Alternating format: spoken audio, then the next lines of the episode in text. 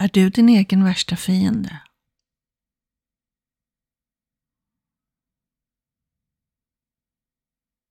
Det gick jag och kände och sa under många år. Jag kände att det var jag själv som eh, bromsade mig, begränsade mig.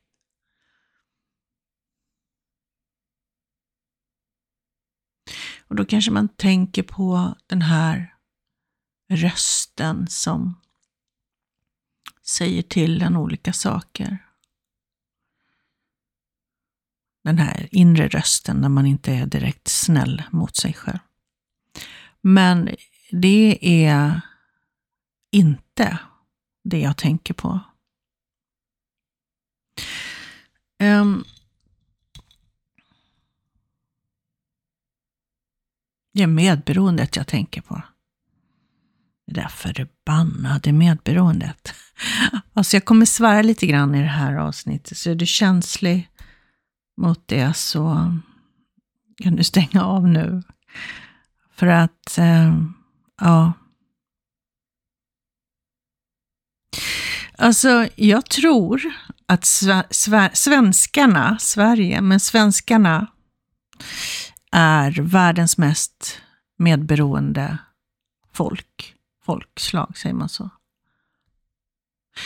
Det är inte så att vi är kyliga och inte vill ha med andra människor att göra som gör att vi inte pratar med varandra.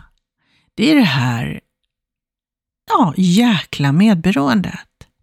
Vi tror att vi är fel, vi tror att vi är för mycket, vi tror att vi är för lite, vi är inte tillräckliga, vi bär på skam och skuld, vi tror att vi är fel, vi är fula, vi duger inte som vi är. vad ska andra tycka? Man bär på skam och skuld. Det är allt den där skiten som gör att vi inte är öppna som man kanske är på många andra ställen i världen. Nu säger inte jag att alla svenskar är det, såklart inte. Alla är inte medberoende, men väldigt, väldigt, väldigt många människor är det. Vi ska inte tro att vi är något, jante. Det sitter liksom i, i mjölken vi dricker och i, det sitter i väggarna i kulturen, det sitter i allt. Det är medberoendet.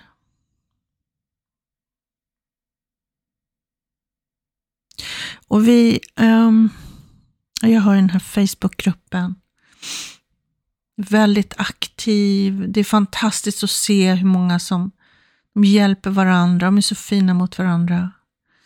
Och, men det är som att det finns en, och det tror jag gäller, jag har också varit där, det är som att ja, narcissisterna är de onda. Liksom. Det är de vi ska skydda oss emot. Och, hur blir vi fria från dem? Min grupp heter ju Fri från narcissister, precis som den här podden. Men det är så att det handlar inte om att vi kan inte påverka hur andra människor är eller vill vara eller hur de vill leva. Det enda vi kan påverka det är oss själva.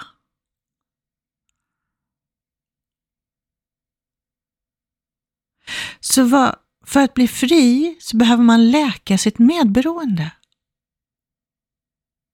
Och det gör man genom att stärka kontakten med sig själv, titta inåt på de här gömda ställena där du inte vågar, de som du har liksom stoppat undan, som var alldeles för smärtsamma där och då för länge sedan när du upplevde dem.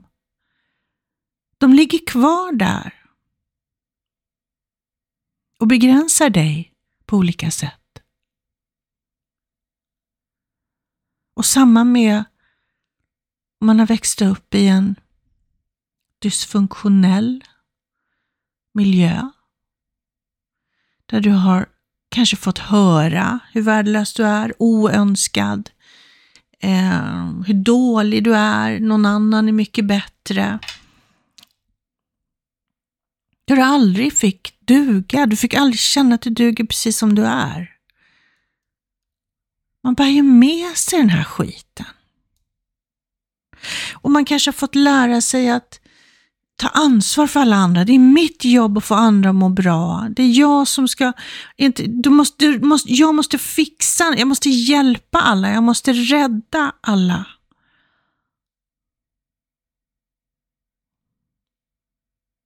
Och de har också fått lära sig att det är då jag har ett värde, när jag gör för andra. Jag har inte ett värde bara för att jag är jag.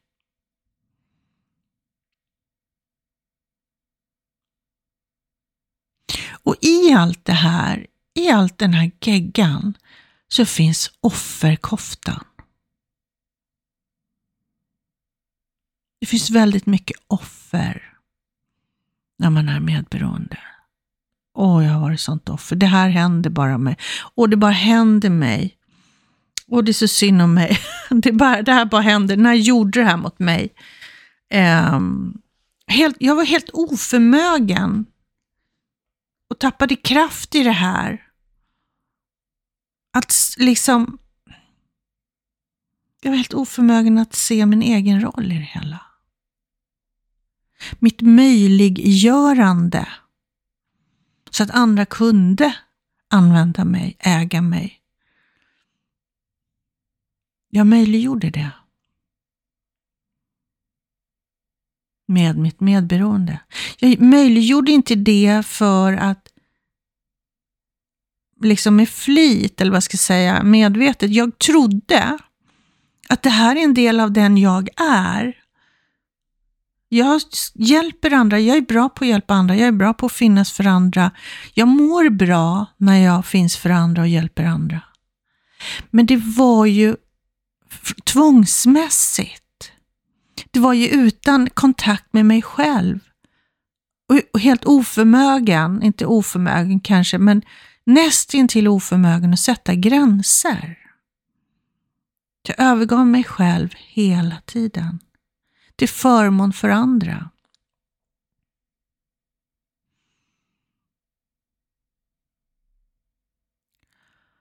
Och jag är helt omedveten om att det var mitt medberoende som gjorde allt det här. Det var, jag ville hjälpa och finnas för andra för att det gav mig ett värde. Det fick mig att känna mig som en bra människa, som en fin människa.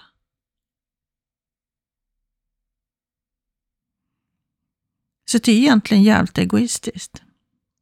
Och kom gärna med råd och, och så vidare. Eh, kanske för mycket. Eh, för att jag vill att den personen ska må bättre. Medan den kanske bara ville prata av sig. Men oavsett det så, idag har kommit en bit med att läka mitt medberoende. Så idag är jag ju i kontakt med både mig själv och med omtanken om andra. Omtanke om mig och om andra. Jag kan verkligen känna när jag vill göra något. Och det är liksom från hjärtat. Det är inte från ett, ett eh, bekräftelsebehov. Jättestor skillnad på det.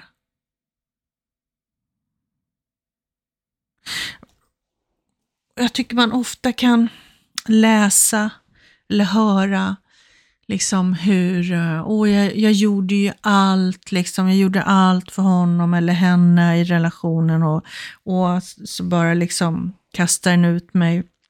Nu när vi då pratar om eh, narcissister. Ja, och så är det ju. Men det gör ju inte mig, som då gjorde allt, till någon, liksom, ja, den goda och den andra är den onda. Det är inte det. Det är inte det det handlar om. Alls. Som medberoende så är vi ganska egocentriska faktiskt.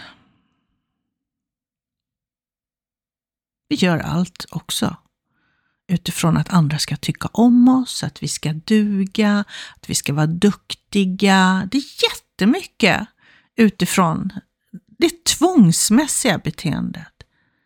Det är faktiskt inte alls det är inte en del av dig. Det här tvångsmässiga, när du gör för att någon ska tycka du är duktig, snäll, vad det nu är. är medberoendet. Och när du börjar läka det och kommer i kontakt med omtanken om dig själv och andra så förstår du vad jag menar. Nu kanske du blir förbannad på mig. Eh, och då får du väl bli det då. Men jag kanske har, sått ett litet frö i dig.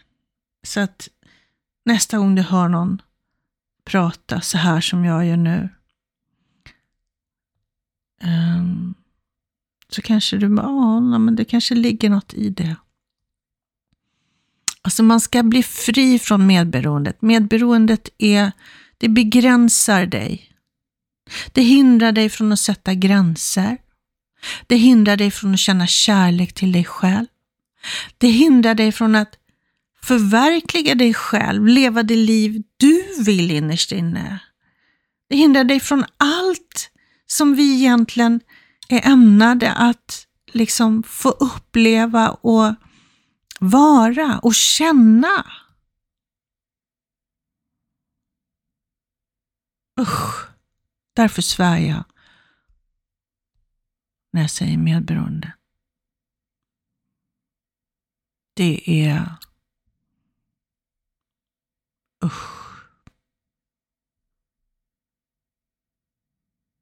Så för att sluta vara en möjliggörare för narcissister att använda en, äga en, kontrollera en, förnedra en, förgöra en och så vidare. För man är en möjliggörare där eftersom man inte sätter gränser och man kanske inte ens är medveten om vad som görs emot en.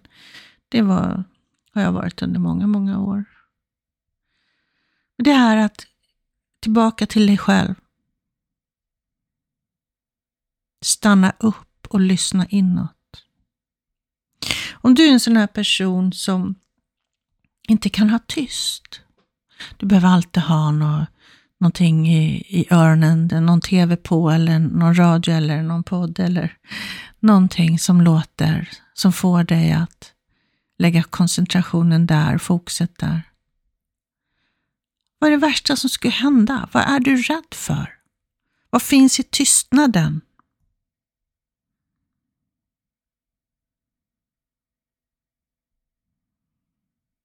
Kan det vara så att det är dig själv du undviker? Du undviker att känna det du känner eller att känna överhuvudtaget. Det här är också någonting som är väldigt vanligt. Jag hade det också. Jag trodde när, när det kom starka känslor, gud det känns som att jag går sönder. Jag går sönder liksom. Det var verkligen det är för mycket. Det, nej, det går inte. Det går inte att, att bottna och bara känna det här, för att gå sönder. Det är för att man aldrig fick göra det som barn. För ett barn är det helt naturligt. Man inte får leka, ha den där spaden eller leka med den eller vad det nu är för någonting. Och bara bli riktigt ledsen i det. Bottna i den känslan. För att sen liksom, ja, är det över? Nej, då har man kanske nej ta den här istället, det där var väl inget att vara ledsen för. Eller man liksom försöker ta bort den där eh, känslan från dig, så att du inte då får bottna i den. Om det här är ett mönster, det händer hela, hela tiden i din uppväxt, då kan det vara så att du, precis som jag och många andra, var svår, hade svårt, jag, jag kan ju det nu, men svårt att bara tillåta, tillåta dig att känna och bottna fullt ut. Och det är ju också så här att du är inte dina känslor. Du känner dina känslor. Du är så mycket mer än känslor. Eller hur? Men det är som att när vi, vi tänker så här, nu är jag ledsen, säger vi. Jag är ledsen. Så ändrar du det. Och så tänker du så här, eller säger till dig själv. Just nu känner jag mig ledsen. Just nu känner jag mig ledsen. Just nu är jag medveten om att jag känner mig ledsen. Du backar ju undan, du, du är inte din känsla längre. Du känner din känsla.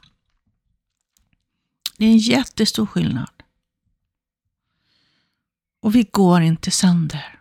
Men det, grejen är att när vi bottnar i känslan, när vi fulgrinar, när vi skriker ut vår smärta, bara går hela vägen, då släpper den.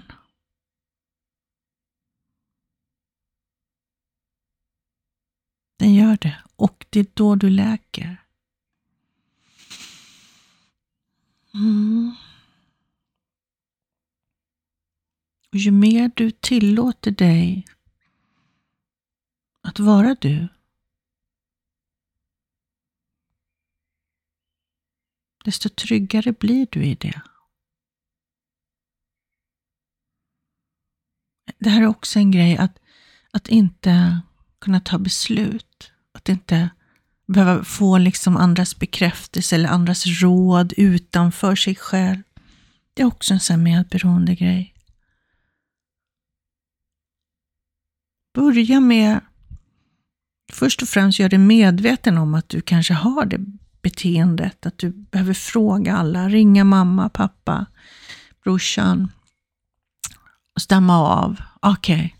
ah, men du håller med mig, ah, men då gör jag det här. Förstår du? Du, du skapar aldrig din egen auktoritet i det här, utan du liksom ger den till andra, vilket gör att du fortsätter ha svårt att fatta beslut. Så för, det första steget är ju faktiskt att bli medveten om vilka beteenden man har, vilka svårigheter man har, vad man, vad man försöker ducka för, vad man försöker undvika. Ett sätt också att undvika sig själv, det är ju att prestera. Det är ju jobba, göra karriär, driva företag, starta upp företag, eh, träna. Jag menar, allt det här som liksom bara prestera, prestera, prestera. Att bara hela tiden vara aktiv, jobba väldigt mycket. Och, eller vara, som alltid var med människor på något sätt. Det också kan vara en flykt. Bara gör dig medveten. Är mitt beteende så? Försöker jag undvika mig själv? Vad skulle hända om jag sätter mig i skogen i tystnad? Bara sitter där. Hur känns det för mig? blir jag rädd? Känns det läskigt? Vad händer inom mig?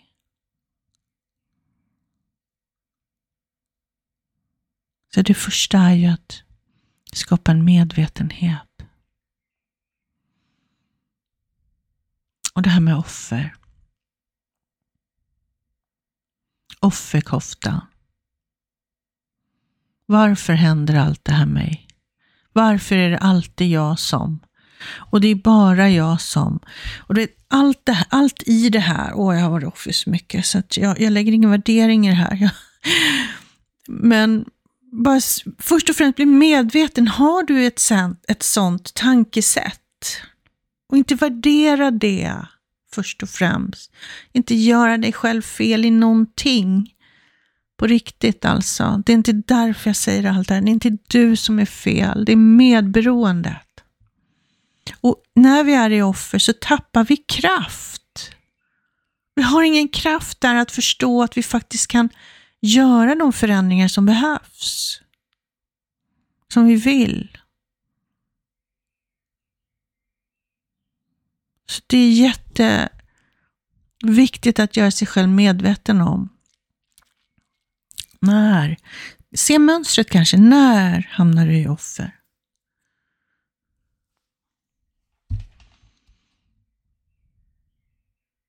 Kartläggning av dig själv. Mm. Så Och gränsdragning, det är också någonting som är svårt. För att man är rädd för vad andra ska tycka, man är rädd för att någon ska bli arg, man är rädd för att såra någon, för man tar ansvar för andra människors känslor. Eh, och man vet inte riktigt om man gör rätt. Har jag rätt att? Kan jag? Vet, jag levde många, många, många år utan att kunna ha mitt nej och sen inget mer. För som medberoende så vill vi alltid förklara, vi ska få andra att förstå.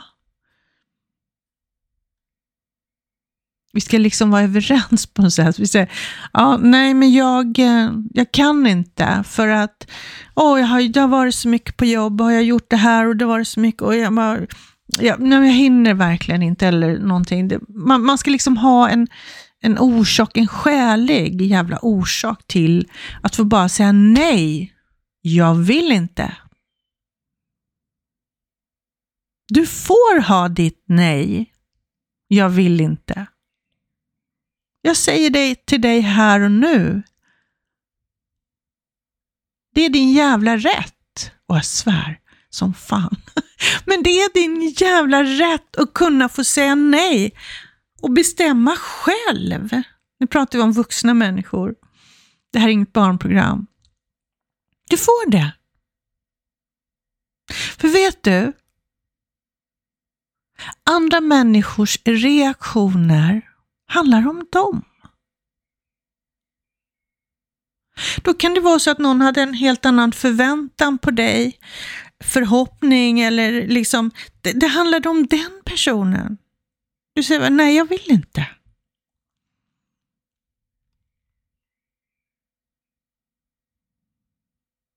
Och sen kan man, jag säger inte att det är fel att ge en förklaring, men det är viktigt att känna kraften i att få ha sitt nej. Jag vill inte. Utan att ha en skälig orsak, för då har du gått in och värderat. Värderat liksom, är, får jag inte göra det här nu? Jag känner jättestarkt att jag inte vill det, men får jag det? Det är klart att du får.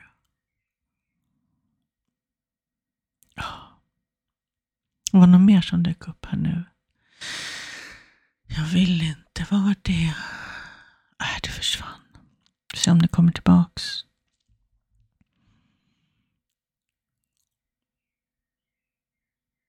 Vad händer inom dig nu? Du som har lyssnat så här långt. Blir du triggad? Blir du arg? Blir du Har jag öppnat upp för någonting? Har jag blivit lite mer medveten? Det är verkligen min förhoppning. Och Jag vill verkligen också säga det att i läkningen eh, av medberoendet så är det så viktigt att inte göra sig själv fel. Vi säger att eh, du börjar träna på att sätta gränser. Du kan inte till en början bara säga nej, jag vill inte. Det, det kan ta lite tid. Det gjorde det för mig, verkligen. Utan mer bara, det första steget kan vara att du, kan jag få kika på det eller kan jag få känna in på det så, så återkommer jag till dig. Bara ge sig själv den reflektionen, möjligheten att känna in, aldrig säga ja direkt. Det kan vara ett första steg. Och om du sen då ändå säger ja någon gång, för att det gick av bara farten, du har alltid gjort det. Ja men okej okay då.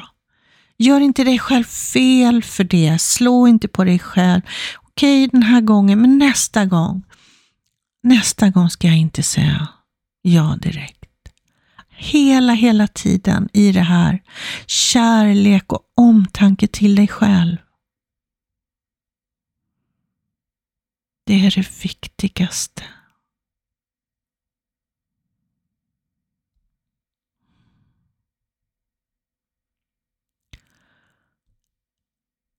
Så vad vill jag mer ha sagt om det här?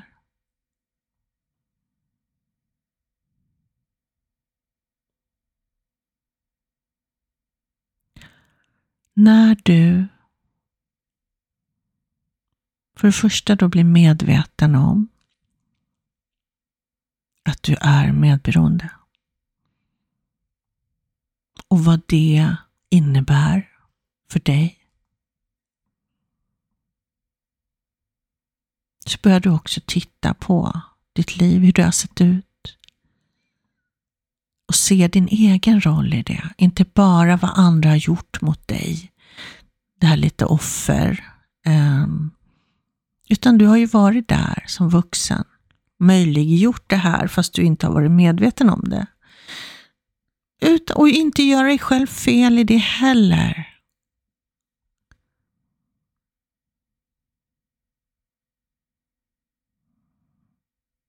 Och när man kommer en bit på väg så kan man faktiskt känna tacksamhet för det man har gått igenom. Jag brände ut mig fullständigt år 2004. Och jag är så tacksam för den. Du vet, jag blev ju slängd ner i backen fullständigt. Jag var helt slut på energi. Och det behövde jag för att sluta med mitt allvarliga medberoende beteende. Hela tiden finnas för alla andra, ta hand om andra, ta ansvar för andras människors känslor, måenden och ja, allt vad jag höll på med. Duktig, prestera, vara snäll, se bra ut. Nej, men allt bara som jag höll på med. Det höll inte längre.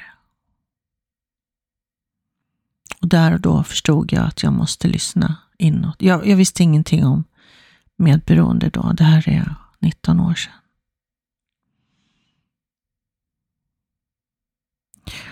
Och det har varit med stapplande steg. Det har varit, vad säger man, bak? Varför vill jag säga bakfall? Jag förstår inte. Men det har varit, ja, det går ju framåt. Ett framåt, ett halvt bakåt. Sådär, hit och dit. Och man lär sig själv och känna sig själv. Men det har hela tiden varit mitt fokus att lyssna inåt på mig själv. Att inte, för för mig var det allra, allra viktigaste att inte fylla agendan igen, att inte fylla upp livet med, med massa måsten så att säga. Då hade jag tappat bort mig själv direkt. Utan jag behövde verkligen lugn och ro och träning att lyssna inåt. Så jag vill, jag vill att du avsätter tid för dig själv varje dag. När du känner in på dig själv. Och gör gärna de här möjlighet, eller vi säger du sitter på bussen. Då kan istället för att lyssna på musik eller liksom läsa vad du nu gör för någonting, bara andas. Djup andas långt ner i magen och känn in på dig själv. Sådana tillfällen. Det kan vara mikrosekunder, det kan vara 30 sekunder, det kan vara 30 minuter. Har du möjlighet på morgonen, sitt sitta en stund på kvällen och checka in på dig själv. Hur känns det? Se om du kan få kontakt på någonting. Det inre barnet pratar jag ofta om. Finns det där? Kan du få kontakt med ditt inre barn? Bara nyfiket undersöka. Och inte göra dig själv fel på något sätt i det här. Men ta för vana att checka in på dig själv. Vad behöver jag? Hur känner jag mig just nu? Vad vill jag?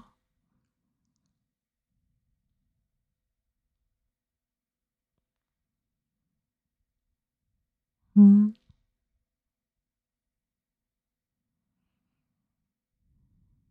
Hur när du läker, när du har läkt medberoendet, så är du också fri från narcissister.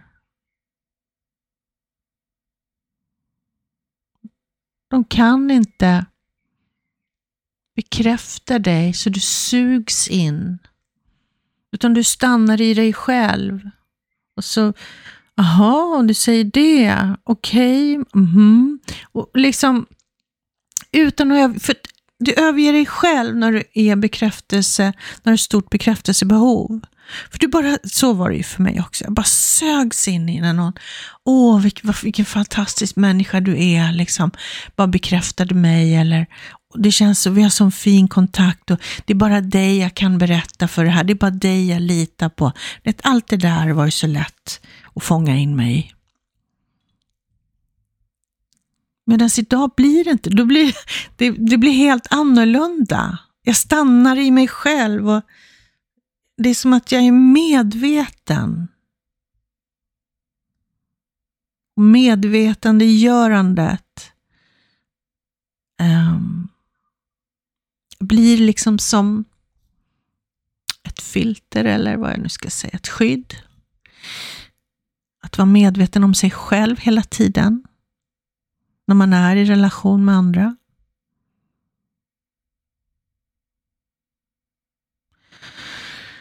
Så det handlar alltså inte om att skydda sig själv mot narcissister, att gömma sig, att blockera. Ja, ja, det ska man göra. Jag säger inte att man inte ska göra det, men det är inte i slutändan det som gör dig fri. Du ska givetvis blockera och liksom inte vara i destruktiva relationer. Du ska skydda dig från det. Men det som gör dig fri som individ, det är när du läker medberoendet och tillåter dig själv att vara autentisk. Att vara sådär självklar, utan filtrering, värdering och hela tiden omtanke om dig själv och andra givetvis. Då är du fri. Och det brinner jag för. Fuck medberoende.